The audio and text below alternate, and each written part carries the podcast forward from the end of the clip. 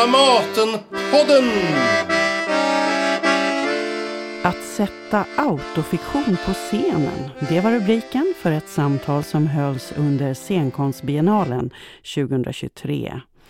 Och eh, ni ska nu få höra det. Det är inspelat live den 31 maj och den som leder samtalet det är jag, Anneli Duva. Välkomna allihopa, vad roligt att ni är här fast klockan är sex på kvällen. Det är intressant att se hur många som börjar så här som skulle ha kommit och kanske blev lite trötta efter en lång dag. Och jag säger välkommen till den här eminenta panelen som vi har här. Christian Hallberg, dramatiker, Sara Stridsberg, författare och dramatiker och Alex Schulman. Det står på Wikipedia står du presenterad som författare, kolumnist och radioproducent. Mm. Så vi säger det idag. Och vi har ju fått en rubrik här, gjort en rubrik idag som är att sätta autofiktion på scenen. Och eh, allra först då så gick jag in och tittade vad står egentligen på Wikipedia som definition av autofiktion. Och där står det, det är en lite sådär torr, kanske knapphändig definition, men ändå. Eh, det, autofiktion är en litterär genre som blandar fakta och fiktion i form av verk som utgör en självbiografi i form av en roman. Serge Dobrowski myntade begreppet 1977, men denna form av litteratur går längre tillbaka än så. Tidiga svenska exempel är August Strindbergs romaner Tjänstekvinnans son från 1886 och En dåres försvarstal från 1893. En annan besläktad genre är alterfiktion, där fakta och fiktion blandas men verkobjektet är någon annan än författaren själv. Och så tänkte jag då att jag helt enkelt skulle börja med att fråga er tre, vad är autofiktion för er? Vill du börja Christian? ja, gärna. Uh, alltså det är roligt för jag gick också in på Wikipedia i morse nämligen för att jag är liksom lite osäker kring det. Så jag tyckte det lät väl jättebra, det du sa. Uh,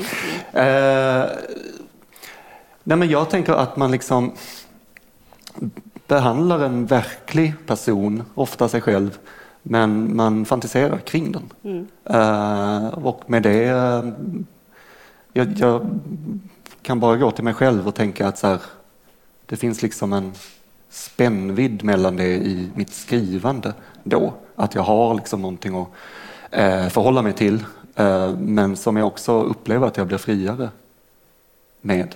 Att, mm. att, här, att, att kunna relatera till ett öde och sådär. Jag tänker liksom att det absolut handlar väldigt mycket om att sätta sig själv i berättelsen. Men eh, det har inte jag gjort så mycket. Liksom. Så att om, om jag ska tänka bara utifrån mitt skrivande så mm. handlar det mycket om det. Sara, vad säger du? Um, ja, hur löd frågan? Hur jag ser på autofiktion, ja, eller vad det är för mig? Vad det är för dig. Mm. Men, till att börja med så värjer jag mig alltid mot eh, liksom, litterära termer. Vad gäller mitt eget skrivande så har jag alltid tänkt att kalla mig vad ni vill. Mitt riktiga namn får ni aldrig veta. Att, eh, det sätts ju alla möjliga etiketter på en författares verk och skulle man ta det till sig och leva i det så det, skulle det vara jättesvårt att skriva. Eh, jag har nog aldrig känt att någon enda etikett som har satts på mig har varit sann till exempel. Och så värjer jag mig kanske mot eh, begrepp inom litteraturen för att kunna skriva. Jag, eh, nyligen så läste jag på Västfronten Inte ett nytt med min son. Han läste den på gymnasiet och eh, då skulle han lära sig ganska många litteraturteoretiska begrepp och så. Och eh, Han, eh, han kan väldigt mycket om teknik, jag kan ingenting, så han har väl inte så stor respekt för mitt kunnande. Men han har nog ändå trott att det här med litteratur, det är någonting som jag kan. Och han, jag såg att han liksom, det hisnade lite för honom när jag famlade och vacklade lite kring de här, det var ganska avancerade litteraturteoretiska begreppen. Då. Det är klart att jag kände till dem, men jag har ju på något sätt valt att fjärma mig från dem. Alltså peripeti, jag vill inte tänka på det när jag skriver. Eh, och eh, så, så, så, är det med autofiktion också. Men jag tittade inte i Wikipedia, men jag skrev till dig Anneli idag och frågade hur du definierade mm. autofiktion. Och då fick jag då svarade jag Wikipedia skickat till mig. Så då läste jag Wikipedia? Ja, men det var ju av den anledningen som jag också skrev, att mm. jag hade redan hade tänkt att jag skulle börja med att höra hur Precis. Själv, för jag har intresserat mig för begreppet länge och gjort mycket i olika sammanhang kring det och eh satt eh, och, och, och, intervjuat faktiskt både eh, Patrick Modiano och Annie Ernaux som ju båda på sätt och vis brukar anses skriva autofiktivt, men de båda är som du, alltså mm. de värjer sig för etiketter. Av olika skäl vill de absolut inte kalla sin egen litteratur för autofiktion. Men ett annat skäl till, ja, ja, kanske att ja. För när jag läste den beskrivningen så tänkte jag det här är väl litteratur, eh, det här är ju litteratur som beskrivs. En blandning mellan fakta och fiktion, självbiografiska eh, vad man säga, spår i formen av en roman. Mm. Jag har aldrig hört talas om ett litterärt verk som inte går att beskriva på det sättet. Eh, skillnaden är väl att förr kallade man det för ett självbiografiskt skrivande. Och nu har man etiketten autofiktion. Mm. För det självbiografiska skrivandet var ju aldrig, föreställer jag mig, någonsin så att det inte hade några element av fiktion i sig. Det, det, var inte som att Kerstin Thorvall hade upplevt varenda sida som hon skrev. kanske låtsades. Kanske hon gjorde. Mm. Men Alex Schulman, vad säger du då om begreppet? Mm. Nej, men, eh, jag håller med alla tidigare talare. Nej, men jag, jag, det Sara sa sist här tycker jag är, jag har tänkt på det väldigt mycket därför att det är, det är sådär, man, det är ofta så att jag också blir eh, stämplad som det ena eller det andra. Och eh, de säger också till mig att jag har varit autofiktiv och, sen, och nu har jag blivit en fiktiv författare. Och jag vänder mig väldigt starkt emot det. Inte bara därför att jag avskyr idén att teoretisera kring eh, skriv, till mitt, av mitt skrivande. Men också därför att, som Sara var inne på, min senaste roman heter Malmö station handlar ju om helt fiktiva personer men allting handlar ju om mig. Mm. Nästan varenda rad är saker som jag har upplevt eller människor nära mig har upplevt. Men den kallar man för en helt fiktiv roman och de frågar mig varför har jag tagit det här steget? Och jag, tänk, jag tänker ju, jag har inte tagit något steg, jag fortsätter att skriva om mig själv. Mm. Så för mig tycker jag, eller jag tycker att det där är väldigt svår, liksom, eh, svårnavigerat. Och jag lärde mig ordet typ för två år sedan. Eh, och har fått, fick då veta att jag har hållit på med det i tio år. Så att det, jag, jag är liksom inte skolad i att kunna terminologin kring det. Nej. Och anledningen till att vi satte den här rubriken på det här seminariet är ju att eh, till biennalen har bjudits in då uppsättningen K som du Christian Hallberg har, du har dramatiserat Katarina Frostensons roman K som ju är en autofiktiv roman och det var egentligen där det började. Så att det här är en sorts metarörelse. För vad, eh, och det var då vi kände att det fanns en massa frågor man ändå kunde ställa när man faktiskt tar en annans autofiktiva berättelse och dessutom gör en ny eh, form utav den. Så berätta lite om bakgrunden till det arbetet överhuvudtaget, att ni valde att, eh, att göra en dramatisering av den. Precis, det var jag och skådespelerskan Ylva Olausson som står på scen också.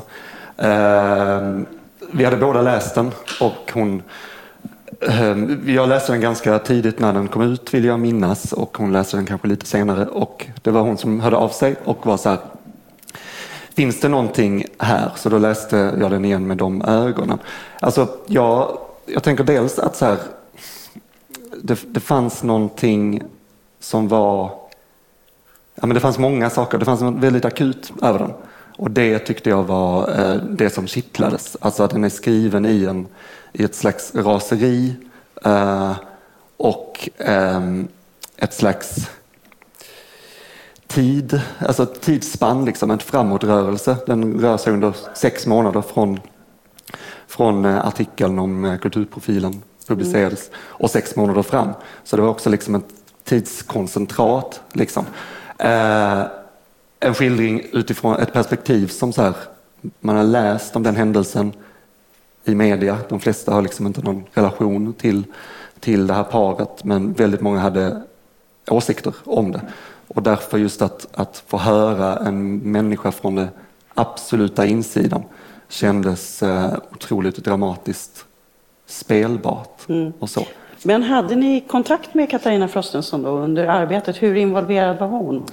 Som en helt eh, vanlig dramatisering. Alltså mm. Vi hade ett möte med henne och hennes förläggare där vi berättade vår, eh, vårt, vår grundidé, skulle man kunna säga. Och grundidén var inte så dramatisk, utan, eller dramatisk var den eftersom det var dramatik, men, men eh, den, vi ville göra boken och var, ganska, var väldigt nära den. Och det var hennes enda önskan också egentligen, att det inte skulle vara en hybrid som hon sa, alltså att man skulle Ska man göra K ska man göra K mm. och det ska liksom inte vara andra textelement som kommer in. Och sen under, under, alltså under skrivandets gång ska jag inte säga att hon var involverad men mm. För mig är det en självklarhet att är det en levande författare så finns hon där och eh, då skickade jag en första version till henne mm. och då hade vi lite möte och de synpunkter hon hade var egentligen eh, ganska kosmetiska. Hon hade liksom inga invändningar utan Nej. det fanns liksom några fel, fel eh, tolk, alltså så här, man ska, felsyftningar och sådär när man drar ihop det. Men ni kände er helt fria då? Absolut. Trots att ni hade den här levande personen och det här? Ja, alltså ja. frihet är så himla överskattat för mig. Mm. Uh, så att vi, uh, i den mån att jag kunde få göra min version, mm. det är absolut, hundra procent. Mm. Sara, du har ju återkommit kan man väl säga till din egen fars historia eh, i olika former. Och eh, i romanen Beckomberga som också blev pjäsen Beckomberga som blev barnboken Dyk sommar så finns i alla fall gestalter man känner igen och platsen Beckomberga. Eh, och Sårad ängel är väl också lite grann samma fadersgestalt i en pjäs, tycker jag mig se i alla fall. Alltså hur ser du på den här kopplingen överhuvudtaget mellan verklighet och det du skriver? Du sa det lite nyss, men om du ville utveckla det, kanske ta något Mm. Mm. Eh, när eh, Sårad ängel eh, som gick här förra året på Dramaten som är en historia om en, eh, en dotter och en pappa. Eh, den regisserades av eh, Rebecka Hemse. Och det var flera personer då som, som var här. Som, hennes pappa heter Kjell. Eh, vad fan, liksom, så jävla nära dig och Kjelle. Liksom. Varför har Sara Stridsberg valt att skriva en pjäs om din familj? eh, och den frågan återkom liksom, om och om igen. Och det kanske finns eh, hos mig och Rebecka Hemse en del biografi som överensstämmer.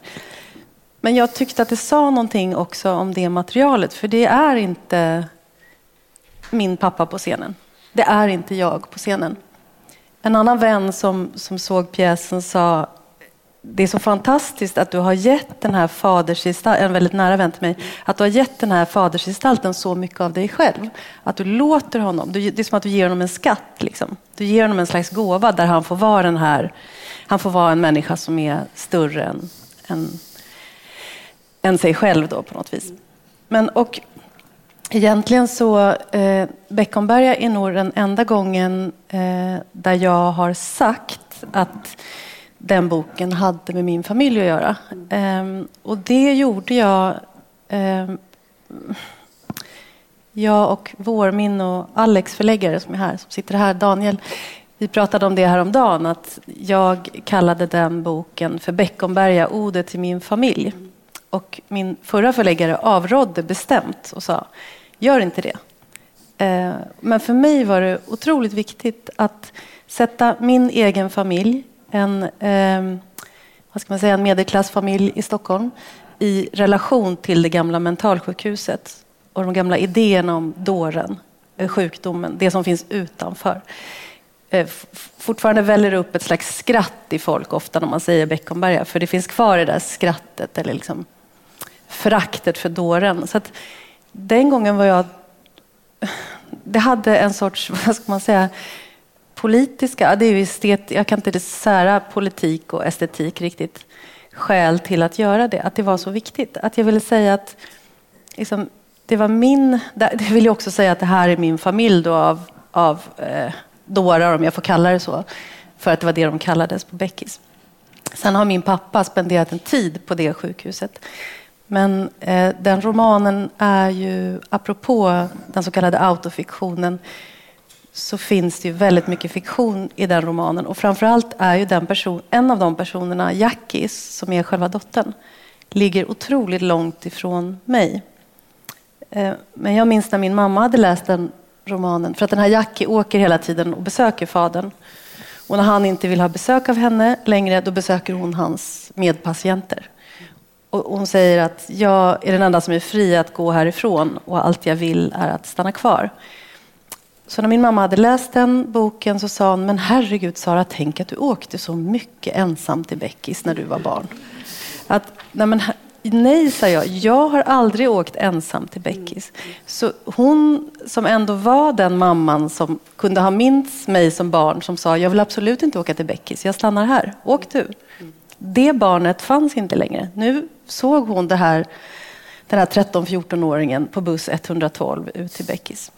Så att jag får väl säga att jag liksom använde mitt eget jag och min egen familj för att kunna säga någonting om sjukdomen, normaliteten, familjen, samhället. Allt det där. Mm. Ja. Och då får vi en naturlig brygga över till Alex Schulman här. Som, du har ju skrivit alltså, om din, din far, din mor, din fru, din morfar och mormor. Uh, Alltså hur svarar du på den här frågan? Det är också en fortsättning på inledningen här, alltså förhållandet mellan verklighet och eh, skapande, verklighet och konst. Ja, det är väl stort, stor fråga. Men ja. Jag måste bara säga det, när jag läste Beckomberga-boken så tänkte jag ju på, just därför att det stod till min familj, då tänkte jag på att den flickan var du. Mm. Men jag tänkte också att det är bara skvaller. Mm. Och sen så började jag googla också. Alltså det, det finns en skvaller liksom, nivå av det där. Mm. Som också finns i mina böcker förstås. Alltså Brända mina brev börjar med ett bråk. Um, det börjar med ett bråk mellan mig och min fru. Och um, det bråket slutar inte bra och uh, jag måste liksom ta tag i mig själv. Det är väldigt liksom, skvallrigt på något sätt. Snaskigt. Eh, men när det gäller att förhålla sig till sanningen eller så, här, så är jag ju ibland väldigt fri eh, och ibland så försöker jag Ibland så har jag försökt att eh, ändå liksom, eh, hamna där och det kan man ju göra på olika sätt och vis. Alltså, en bok kan ju vara sann även om man har liksom fabricerat massor med saker i den. Mm. Om man tar Bränna mina brev till exempel så bygger den till stor del på en, en dagbok som Olof Lagercrantz skrev liksom, 1932. Och då, då är det ju liksom... Nej men, som ett exempel så står det då i den här dagboken eh, tre sidor, eller tre rader eh, skriver han att han någon gång där i juni 32 har kommit till Sigtuna-stiftelsen och han, han har träffat paret Stolpe och Sven Stolpes bil har gått sönder. Och eh, han eh, lagar den bilen. Och sen som tack för hjälpen får han ta den på en tur. Ja, det är allt vi vet om, om det.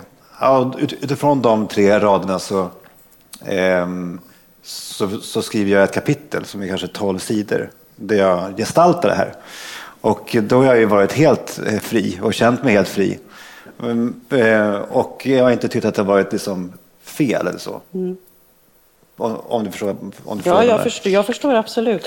Jag har flera eh, citat här som är kopplade just till det där. Till exempel så skrev, eh, det är ju många som har skrivit nu, det har ju blivit en stor debatt just eh, utifrån Bränn alla mina brev. Och eh, där du svarade på det också i, i podden, Alex och Sigge i helgen, eller liksom refererade till det här att det faktiskt bara är personen som har kritiserat det hela eller haft, eh, anklagat dig då för att ljuga.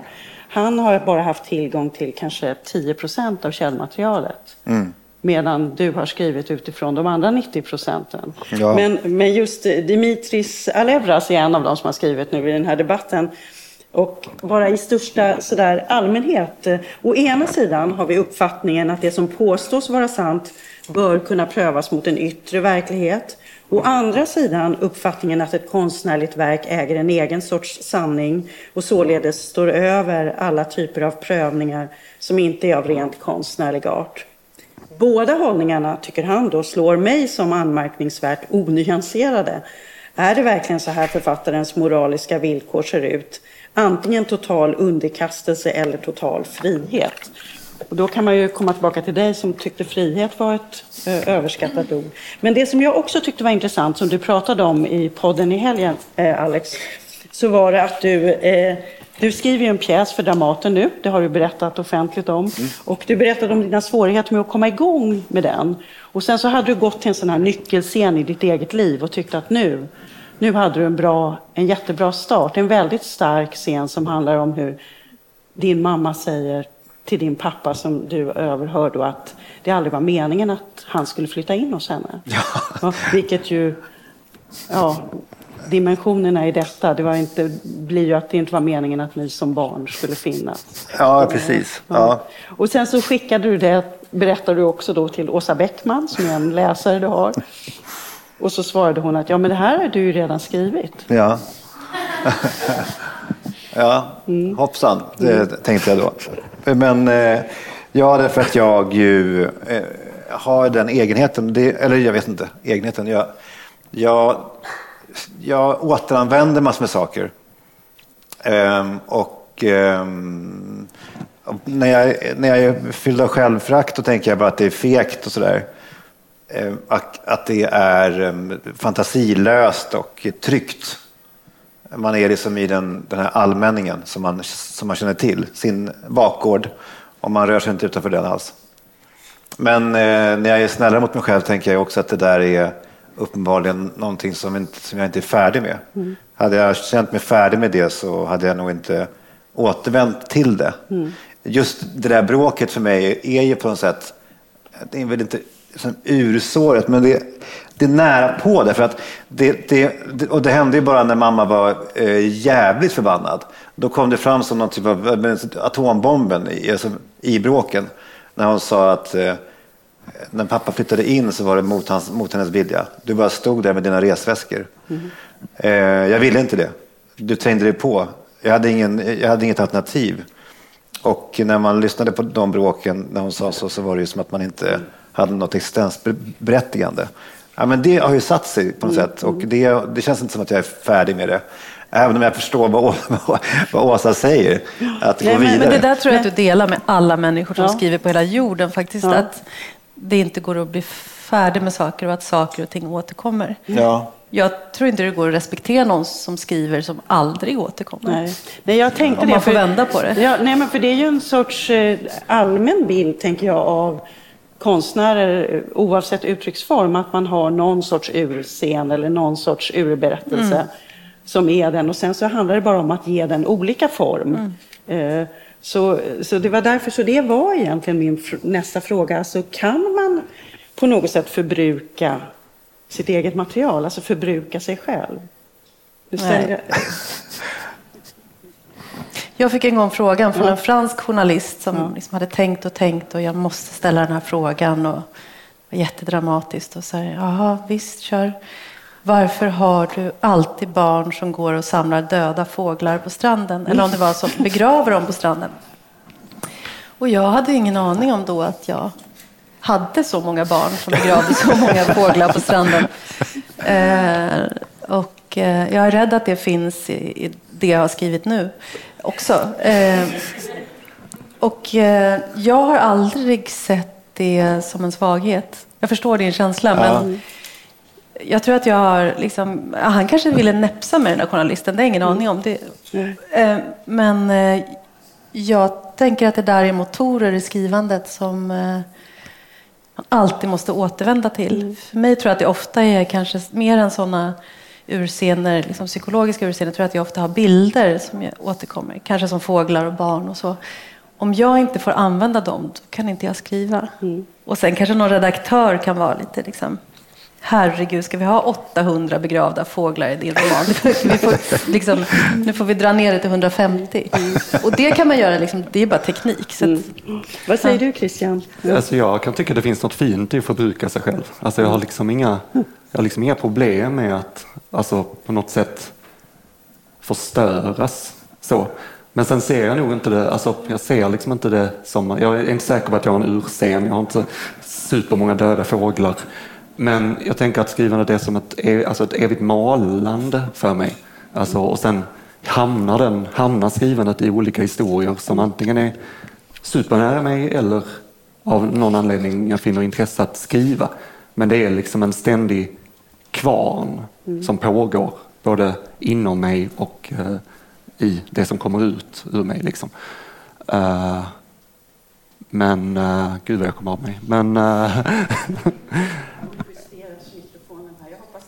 får jag bara säga en liten sak emellan? Ja. Jag, jag bara tänker att, liksom apropå det där med att både ha kakan och äta den, som du refererade till någon journalist som hade skrivit det. Att det är väl det kanske som är frågan om autofiktion, hur vi som skrivande människor presenterar våra böcker. Då kanske det finns en vacklan där. Alltså det, det är mm. både sant och det är inte sant. Mm. Och du har ju en liksom röst eh, utanför böckerna också, där du berättar mycket mer om ditt liv och om dina böcker, om tillkomster och så. Och där, jag tror att jag väljer liksom mycket hårdare vad jag berättar offentligt. Mm. Och liksom, jag kan ju känna mig obekväm nu, så här, Beckomberga, det, liksom, det är din pappa, det är din historia. Mm. Så jag kan ju vilja värja mig mot det. Mm. Eh, och, eh, så att, på något sätt är det författarens egen berättelse om ett verk som avgör det här med fakta och fiktion. Mm. mm. Nu vet inte jag riktigt vad du har sagt om dina släktingar. Eh, Sven Stolpe, vad heter hon? Karin? Karin Stolpe. Mm. Karin Stolpe, ja.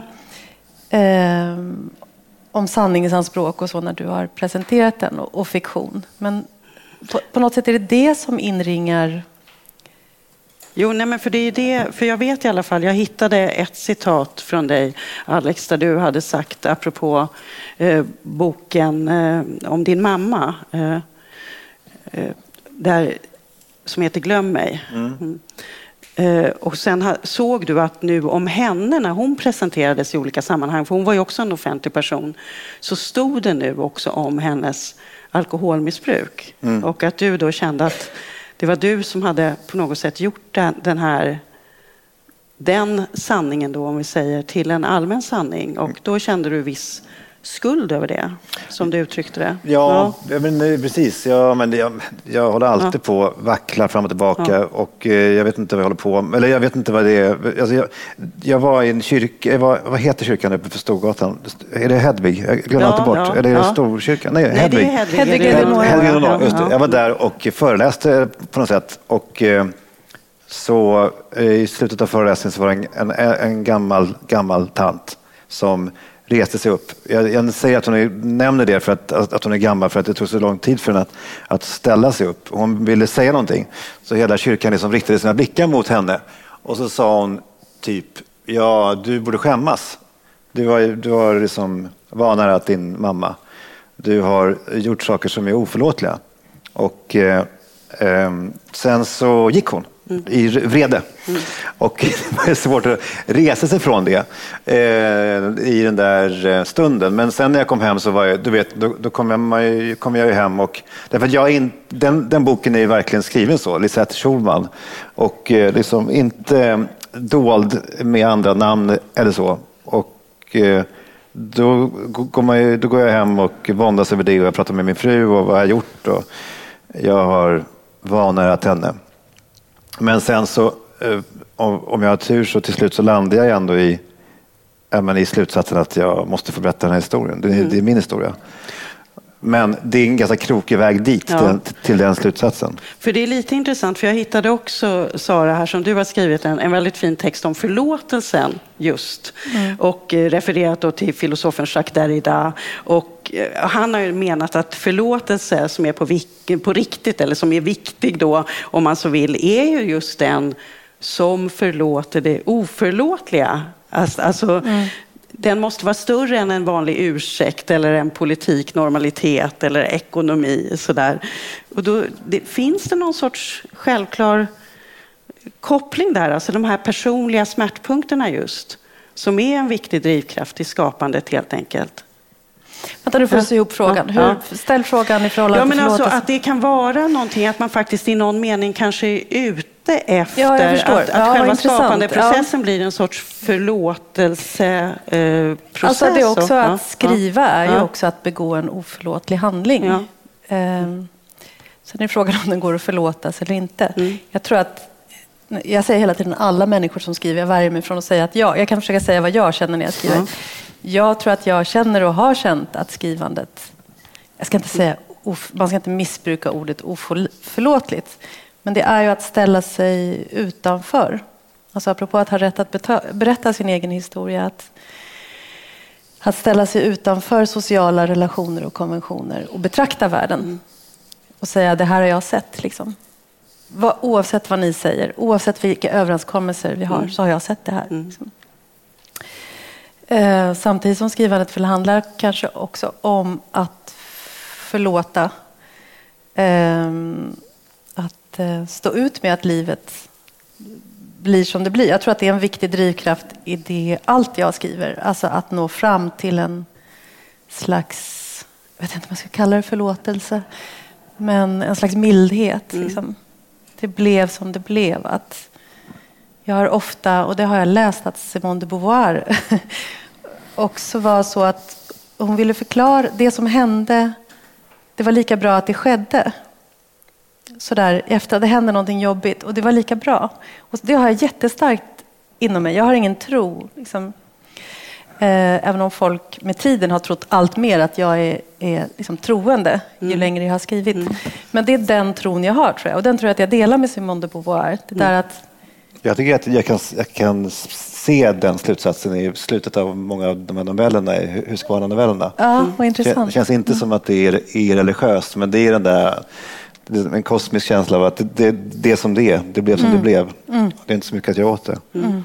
Men vad säger ni om ni fyller i, apropå förlåtelse om man tänker, eller på något sätt som en, som en bild av en, en sorts väldigt personlig och väldigt laddad process just i, i skapandet? Och där man kanske går över gränsen då i sitt sökande, eller hur? Jag har inte tänkt så. Nej. Men alltså, jag tänker på en, en pjäs, jag skrev en pjäs som heter Variation för tio år sedan som handlar om en eh, son som har levt i symbios med sin mamma och som nu ska göra sig fri. Jag sitter och tänker på den hela ja. tiden. Gud, vad, vad, vad bra att den kom upp. Ja. ja. Hur ofta tänker du på den?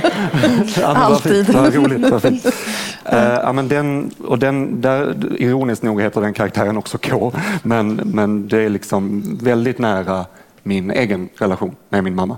Men den är inte, alltså det är saker som händer i den pjäsen har inte hänt, men den tar liksom avstamp från den. Och i, om det är liksom nära förlåtelse kanske, så i skrivandet skrev jag den som ett Alltså, min ambition var väl i alla fall att skriva någon slags kärleksförklaring till min mamma. Att, så här, att hur mycket hon har kämpat med så himla få medel. Mm. Eh, att ändå liksom, jag vet inte, ha mig.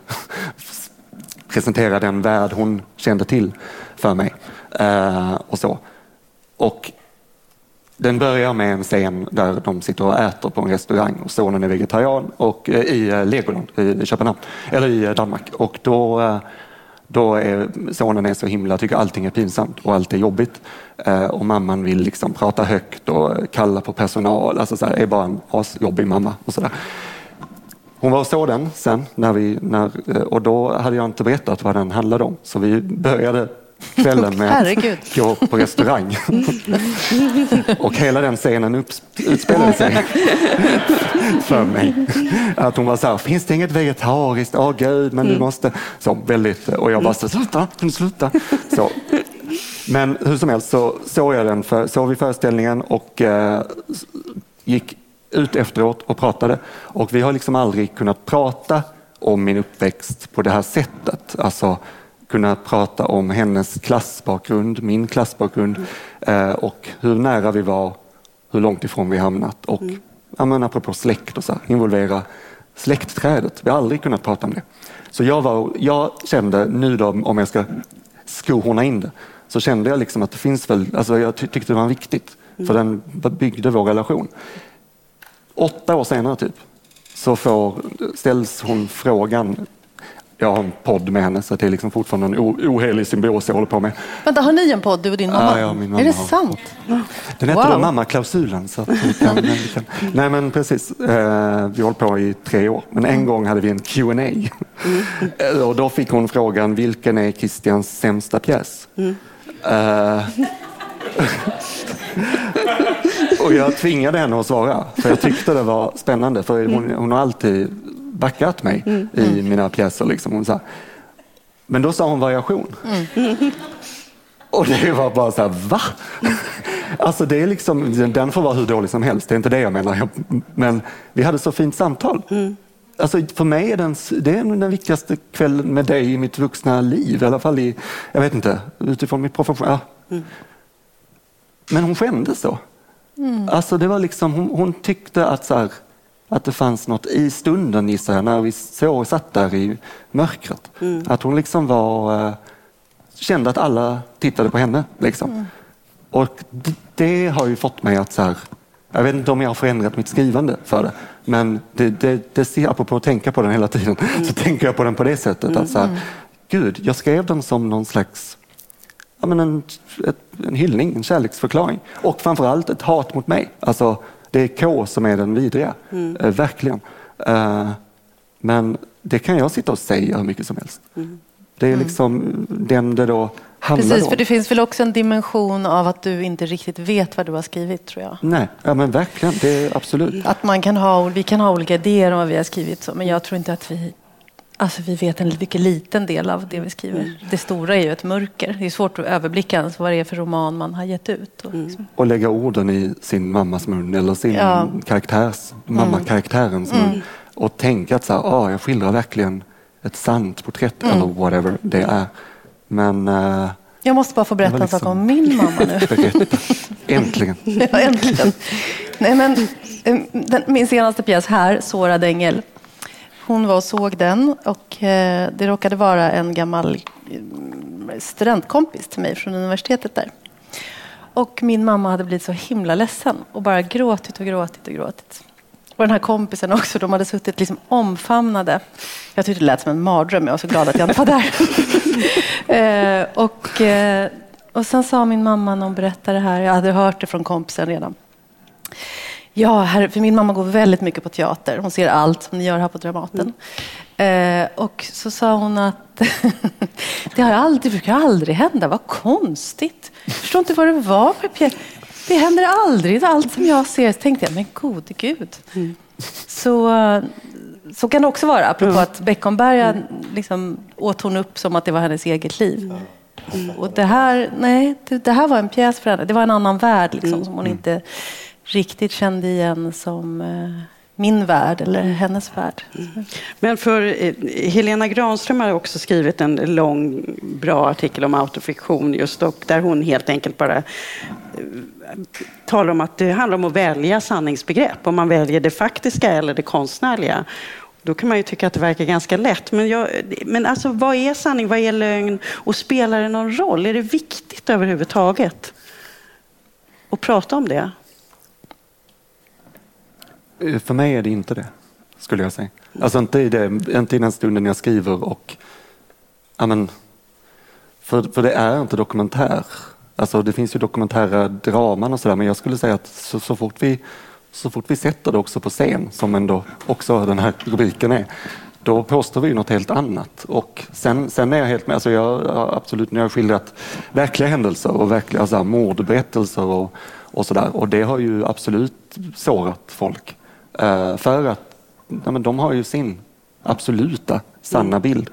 Men uh, jag har tyckt att jag försökt vara tydlig med att så här, det är inte det jag skildrar utan jag vill skildra det från ett annat perspektiv och då, då, då kan jag inte bry mig om sanningen mm. på det sättet. Jag funderar bara på vad det här med autofiktion mm. döljer som begrepp. För att jag kan inte riktigt skilja det från det självbiografiska skrivandet.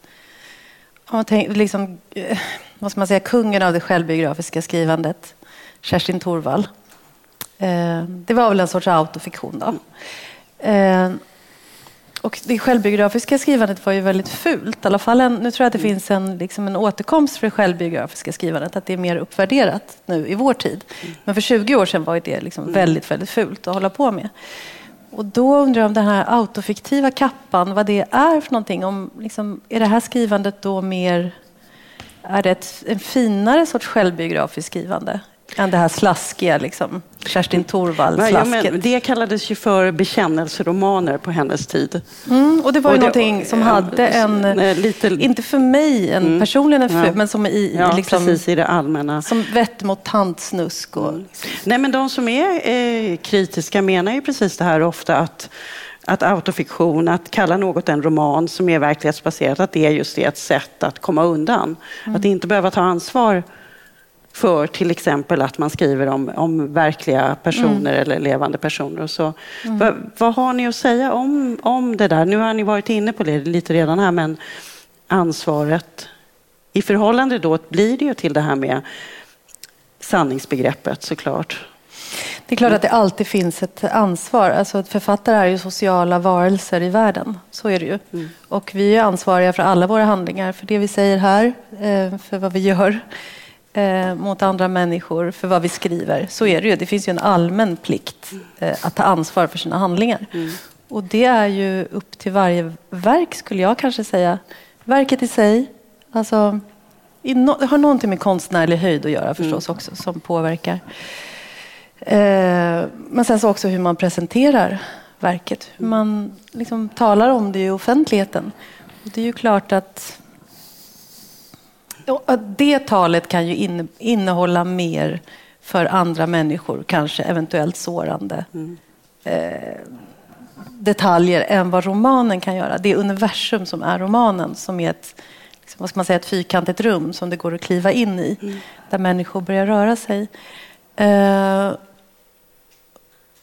Så tänker jag om det. Och, eh, och samtidigt är det ju upp till, också upp till eh, omgivningen att på något vis eh, efter varje roman, alltså att det finns ett pågående samtal om det.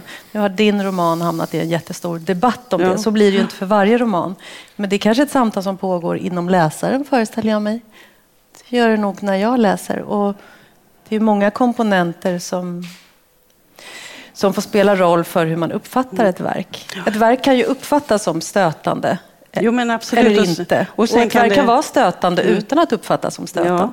Och sen kan det förändras, för det berättade du ju också Alex, att nu kommer faktiskt kommer man ge ut Olof Lagerkrans dagböcker, publicera dem. Mm. Det är jättebra. Ja, precis. Men jag menar, men det är ju en väldigt intressant bild av det här med hur sanningsbegreppet faktiskt är relativt. Men vad är det som är så provocerande då för vissa? Varför blir vissa så arga? Arga på? Att man använder verkligheten eller verkliga personer. Jag kan inte svara på det. Kan, mm. kan ni det? Blir folk så arga? Vi måste nästan ta ett konkret verk. Jag tycker det är så svårt ja, det, att man det svävar finns ju det omkring. Exemplet, ja. Eh, det finns ju exemplet bland alla mina brev som jag har fått folk att skriva ganska märkliga saker som jag tycker. Eh, mm.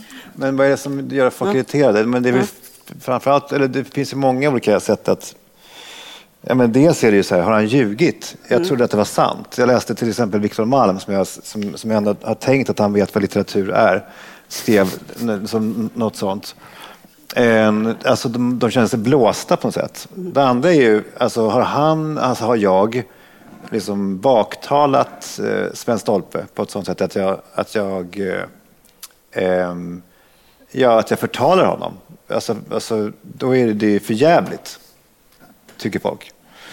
Så jag, jag antar att det är, väl det, det är väl de två sakerna som provocerar mest, om jag har förstått de här texterna mm. rätt. Mm, men jag, tror, jag, jag håller med Sara i det att det, för, för mig det handlar det väldigt mycket om, dels är det så här från bok till bok och det finns inget rätt, det, det finns inget att förhålla sig till, det finns inga alltså annat än, än sin egen röst. Mm. Alltså när boken är färdigskriven, hur känner jag? Jo, men den här boken känns sann.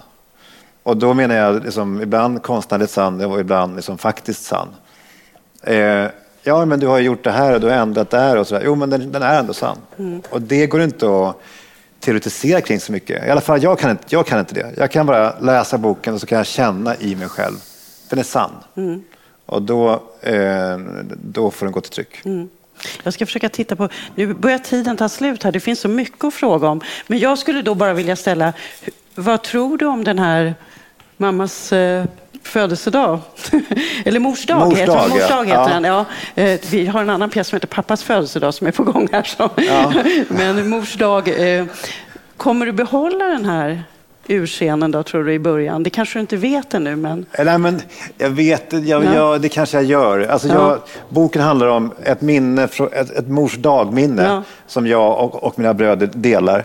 Och första akten är då de tre vuxna bröderna mm. som har andra namn. De kommer hem till mamman, pappan är nu död och sen så börjar de prata om det här gamla mm. minnet då. Men apropå apropå att förlåtas, Ja. som, vi, som vi talade om förut. Jag tror att i mitt fall, så, och det var något som Daniel, som, som är här i publiken, påpekade för mig, att jag, jag håller hela tiden på att söka efter liksom förlåtelse och försoning med min mamma. Eh, i, I en bok som heter Överlevarna så adderade jag en, en olyckshändelse som gör att man då förstår mammans svinerier och eh, man förlåter henne. I, i Glöm mig, som handlar om, om hennes alkoholism, så har jag en slutscen där mamman då och sonen ja, försonas, något, som aldrig hände i, i verkligheten. Och nu i mors dag så låter jag hela, an, hela andra akten bara vara en lång monolog. Mammans stora försvarstal, Ja. där hon förstås kommer att bli förstådd och förlåten. Så, att, så att jag, när, jag, när jag ser på vad jag håller på med, med lite perspektiv, så handlar det bara om att, om att eh, eh, motta den ursäkt från mamma som hon aldrig gav. Jag skulle bara som en sista fråga. Eh, har ni någon person eller någon verklig händelse som ni längtar efter att se gestaltat på scenen? Det kanske ni inte vill dela, för det kanske är något ni tänker att ni ska göra själva. Men är det något sådär som ni har? Jag har en, förlåt om jag jag dök upp en. Eh, för att eh, när, eh, när Palme, eh, alltså Hyland, alltså min, min pappa jobbade mycket med Hyland så jag har varit besatt av honom. Och eh, han eh, eh, gjorde den sista hörnan 1983, var djupt alkoholiserad och sen så fick han ju sluta på SVT och började jobba på Hänt i veckan som skvallerjournalist. Han gjorde lite intervjuer, men han hade ju bra kontaktnät så han fick då tillgång till stora personer. Och en gång då 1984 sent så intervjuade han, eh, eh, så intervjuade han Palme. Och det är ett spännande möte som, är, som äger rum på Eriksbergsgatan i Hylands eh, hem. Men där, eh, där Hyland bjuder Palme på frukost och de pratar i två timmar med Säpovakterna i vardagsrummet med Tuss. Och det samtalet... Som var Hylands fru. Som var, som var Hylands fru. Ja. Men det samtalet mellan de här två elefanterna som ju har båda byggt Sverige, folkhemmet eh, och alla de här, och allt prat om deras framtid också som är så mörk. Det vet inte Palme, men han ska dö om, om ett och ett halvt år. Och eh, Hyland ska supa ihjäl sig. Det finns någonting i den där, liksom ett kammarspel, i, i det samtalet som man skulle vilja titta på. Vad säger Christian? Eh, det är svårt, alltså, jag brukar ändå skriva det då, det jag vill se. Eh, men, men jag har varit upptagen av, jag läste Kaj Linnas eh, bok och då är det liksom en kort passus där han kommer till det fängelse han var på och som, som kallas för kändisavdelningen. Där eh, bland annat John Ausonius och Helge Fossmo satt. Och den fantasin om den frukosten skulle jag gärna, eller jag har skrivit den, så det är liksom på men ingen har satt upp den. Så, Så, eh, så det är säkert någon som kan göra det bättre, betyder det. Så den skulle jag jättegärna vilja se. Det är liksom så här filmjölk och kaffe. Och. Sara, har du någon sån tanke också? Nej, det har jag inte och jag skulle inte säga det heller om jag hade det. Eh, Men det finns, jag måste bara säga, det finns ju någonting som handlar om sanning också, som att en roman, eller konsten, konsten kanske man ska säga, kan ibland nå längre än vad självaste sanningen kan, eller vad man ska säga, än vad det vi kallar för fakta kan. Det vi, vetenskapen, religionen, journalistiken, den sortens berättelser. Eh, där konsten kan nå längre. Jag håller precis på att läsa Anne Sexton. Vadå? Ja, vadå? Anne Sexton. Eh, och hon... Eh, det är oerhört självbiografiskt, tror jag. Det är en berättelse om hennes liv, skriven i diktens form. Eh, och den san- känslan av sanning, den är så total. Liksom. Eh, som aldrig eh, journalistiken eller vetenskapen skulle kunna nå fram till. Eh, så tänker jag. Och jag sitter här med Kerstin Thorvalds bok, för jag vill gärna läsa en och en halv sida för er högt. Hinner vi det? Hinner vi det? Går det bra? Ja. ja. ja. Ni skulle älska det så mycket. Ja, vad tråkigt. Ja. Men, men vilken är det? Är det, oskuldens... När man skjuter När man- arbetare. Ja, den, när man skjuter arbetare. Ja. Mm.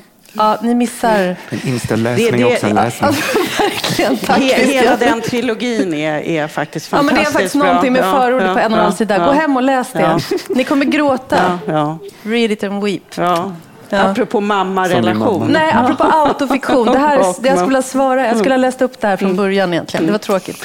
Men, och jag hade också mycket, mycket mer. Men det var otro... också hade mycket mer att säga. Alla hade, alla Jag hade klar. mycket mer. Jag Ja, otroligt mycket mer. Men eh, tack så jättemycket.